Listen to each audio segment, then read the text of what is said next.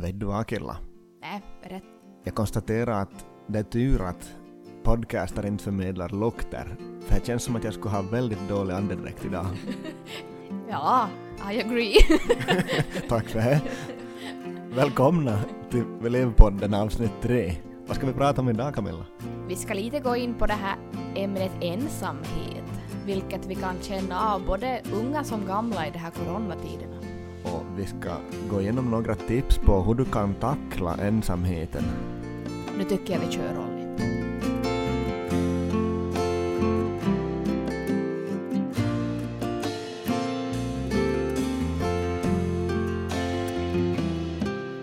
Okej Rolli, ensamhet. Vad har vi valt för citat till idag? Dagens citat så är följande. Tro inte på saker när du intalar dig själv när du är ensam och ledsen.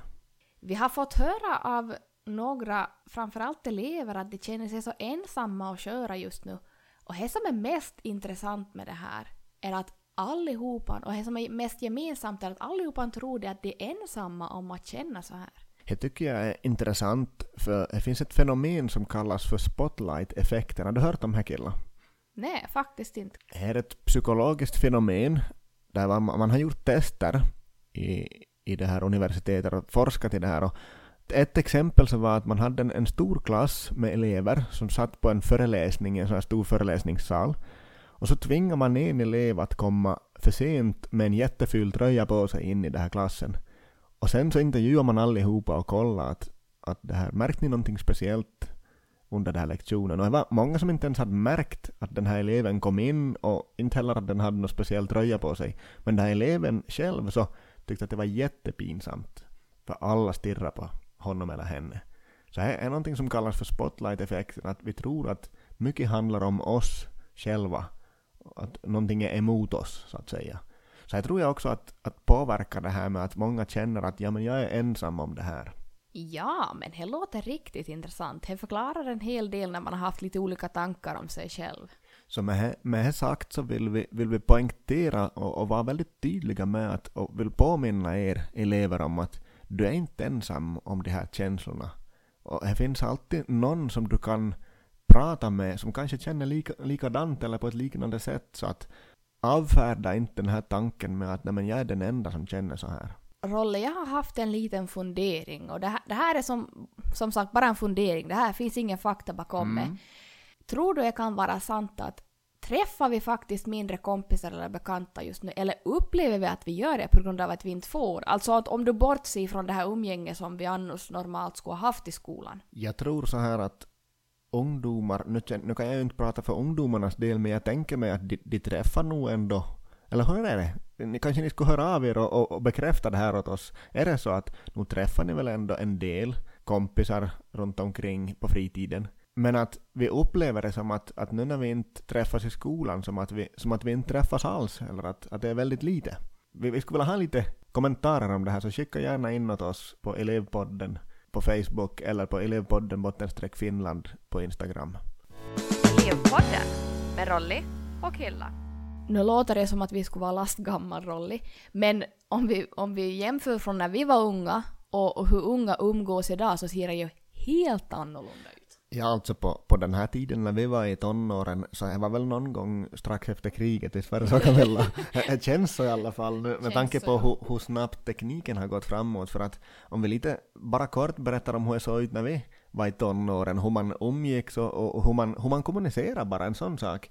Nu för tiden finns det ju Snapchat och TikTok och, och vad allt det nu heter, jag har inte ens koll på Ja. allihopa. Men egentligen det enda, enda sättet vi kommunicerar killar, visst var det så att enda sättet vi kommunicerar egentligen, förutom att ringas, så var via sms. Och de flesta av er kanske inte ens vet vad är sms för något här. eh, Ska vi säga en förenkling av WhatsApp eller Snapchat. Enkla meddelanden helt enkelt som man på en knapptelefon skrev in. Och det som var intressant med det här var att man såg inte ens när var den här person, andra personen senast in? Hade de läst ens meddelande? Skrev de? Eller vad gjorde de?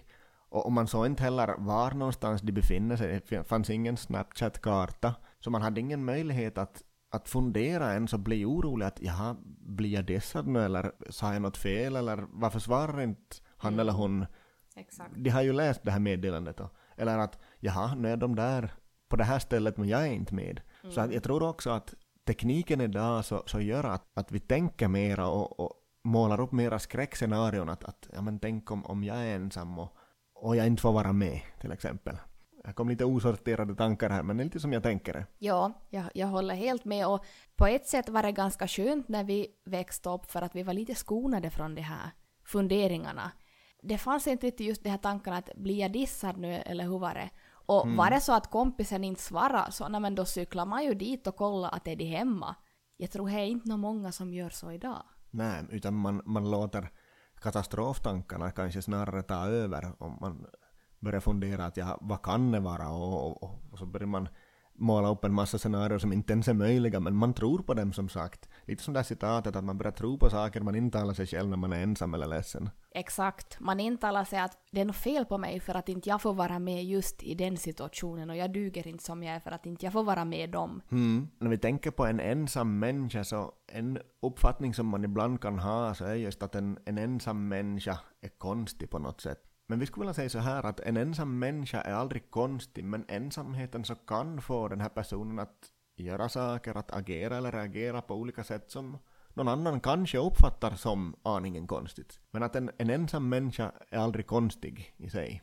Och vem har den makten att få avgöra vad som är konstigt?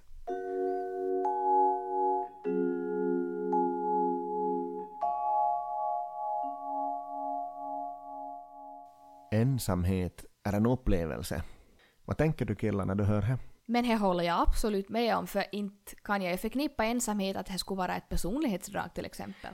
Nej, och för det är ju nämligen så att man kan inte gå fram till någon och säga att du kan ju inte vara ensam. Du har ju familj, du har en massa kompisar, du har pojkvän eller flickvän och, eller så att, att man är populär, en populär elev i skolan som har många vänner och så vidare. Ser ut att ha roligt. Vad vi var inne på i första avsnittet så var det här med att, att vad jag känner och upplever så kan ingen annan säga om är rätt eller fel. Och här, vi ser ju inte allt av en människa. Så, och det är också viktigt att inte jämföra sig. Mm. Exakt, alltså det är ingen garanti bara för att en, en populär tjej eller kille i skolan ser ut att ha roligt och vara omringad av en massa vänner så det är ingen garanti att den här människan känner att, att de får vara med i gänget och att de är omringade av, av bra människor. Precis. Och det är också en skillnad mellan att, att vara själv och att vara ensam. Jag tänker där att det är skillnaden däremellan och vi ser inte alltid den här skillnaden. Att man är själv och att man är ensam. Exakt, för det här är ju väldigt beroende på vad du har för personlighetsdrag. Somliga av oss så får energi av att vi umgås med andra, men en annan kanske tankar energi genom att till exempel läsa en bok, lyssna på musik hemma i rummet för dig själv. Och här är det viktigt, det finns inget rätt eller fel. Hur är det för dig Killa? Vad får du energi av? Vad tankar du energi av? Jag har märkt att jag är lite tudelad i det här. Jag får energi av att, att kanske umgås halva dagen med, med en massa människor, till exempel mitt jobb. Men sen på kvällen så nöjer jag mig att vara hemma med min man bara, läsa en bok, vara kreativ, pyssla på med någonting. Då är jag helt enkelt mätt. Okej. Okay. Jag är lite så här att jag, jag behöver ha stimulans, jag behöver vara bland folk, jag behöver göra saker för att tanka energi. Och det låter kanske konstigt för att det tar ju också energi att vara igång.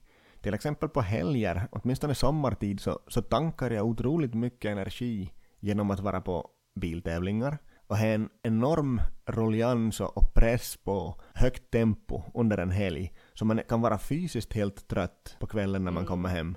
Men sen är man som en ny människa ändå. Så vi är väldigt olika vi människor på att tanka energi och, hur vi laddar om batterierna. Och här är det viktigt att, att kolla att vad, vad funkar för dig istället för att tänka att du ska passa in i någon, i någon form. Mm. Och du behöver absolut inte vara rädd för att andra ska tolka dig som någon ensamvarg. För vi är alla olika och du har rätt att vara precis den du är.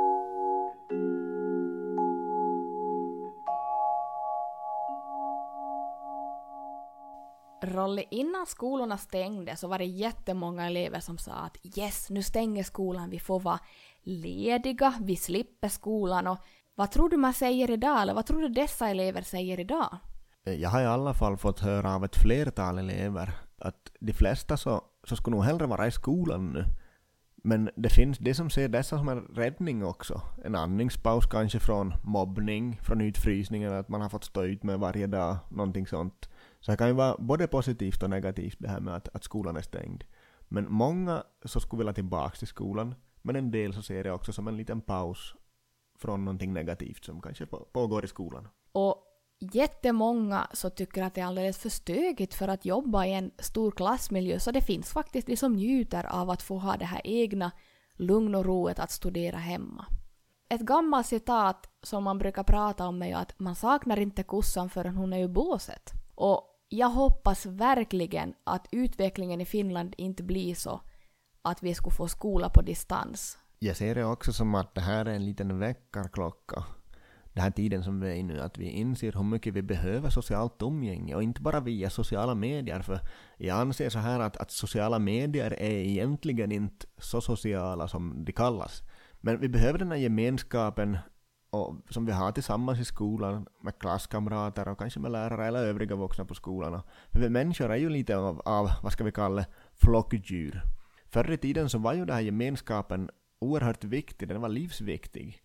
Man behövde höra till en grupp för att få mat, beskydd och kanske värme. Och det intressanta så är att vår hjärna så har egentligen inte ändrats något desto mer sedan dess. Och därför så är ensamhet en form av stress kan man säga.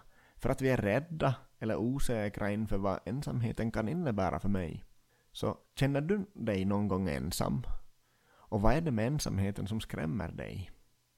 Är det någonting rimligt eller någonting som du behöver tänka så? Och behöver du tro på det som du intalar dig när du är ensam eller ledsen? Men som sagt, om vi återgår till det här att det behöver inte betyda att det är dåligt att, att du är ensam eller för dig själv. Som sagt, vi är olika. Vi har olika personlighetsdrag. Somliga av oss behöver få vara en stund ensamma för att få tanka energi igen. Och kom ihåg, det finns inget som är rätt eller fel i det här.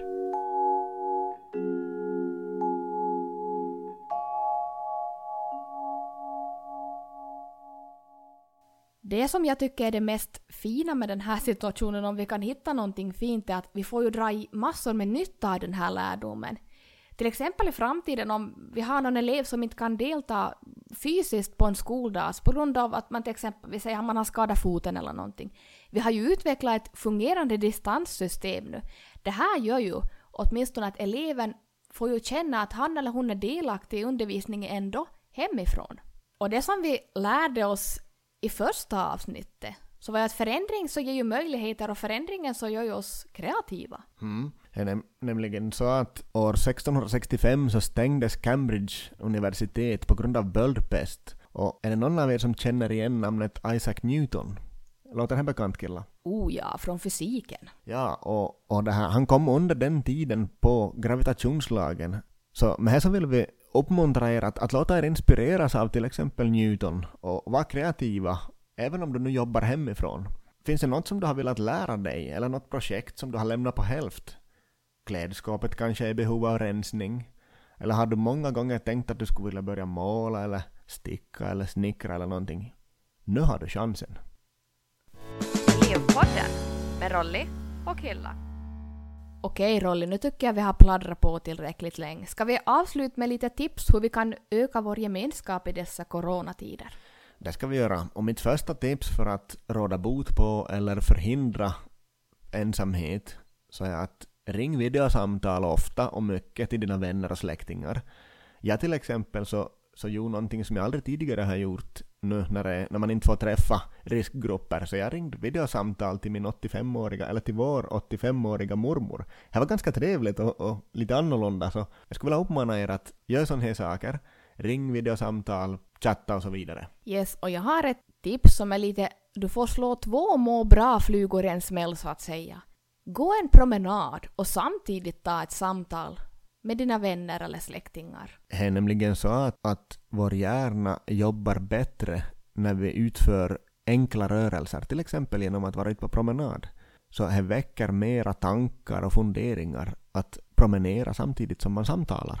Och så är det ju också lite annorlunda för vi går ju bredvid varandra. Så man behöver inte sitta mitt emot varandra vid ett köksbord till exempel och samtala, utan det blir lättare att, att samtala när man går bredvid varandra.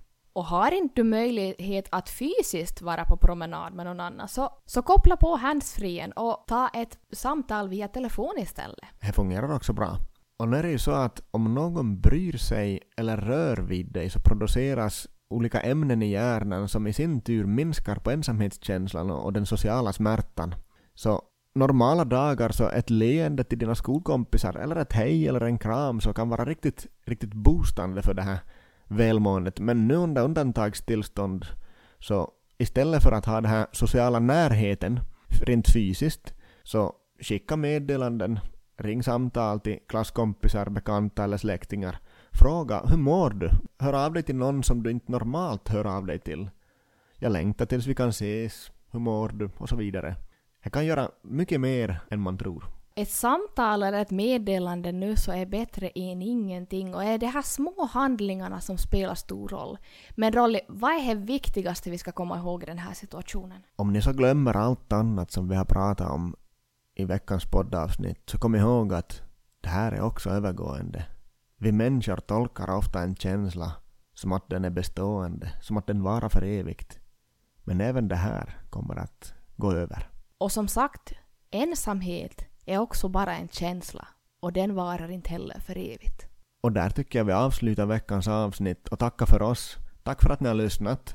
Ha det så bra, sköt om er och så hörs vi igen nästa vecka. Ta hand om varandra så hörs vi nästa veckas fredag. Hej då!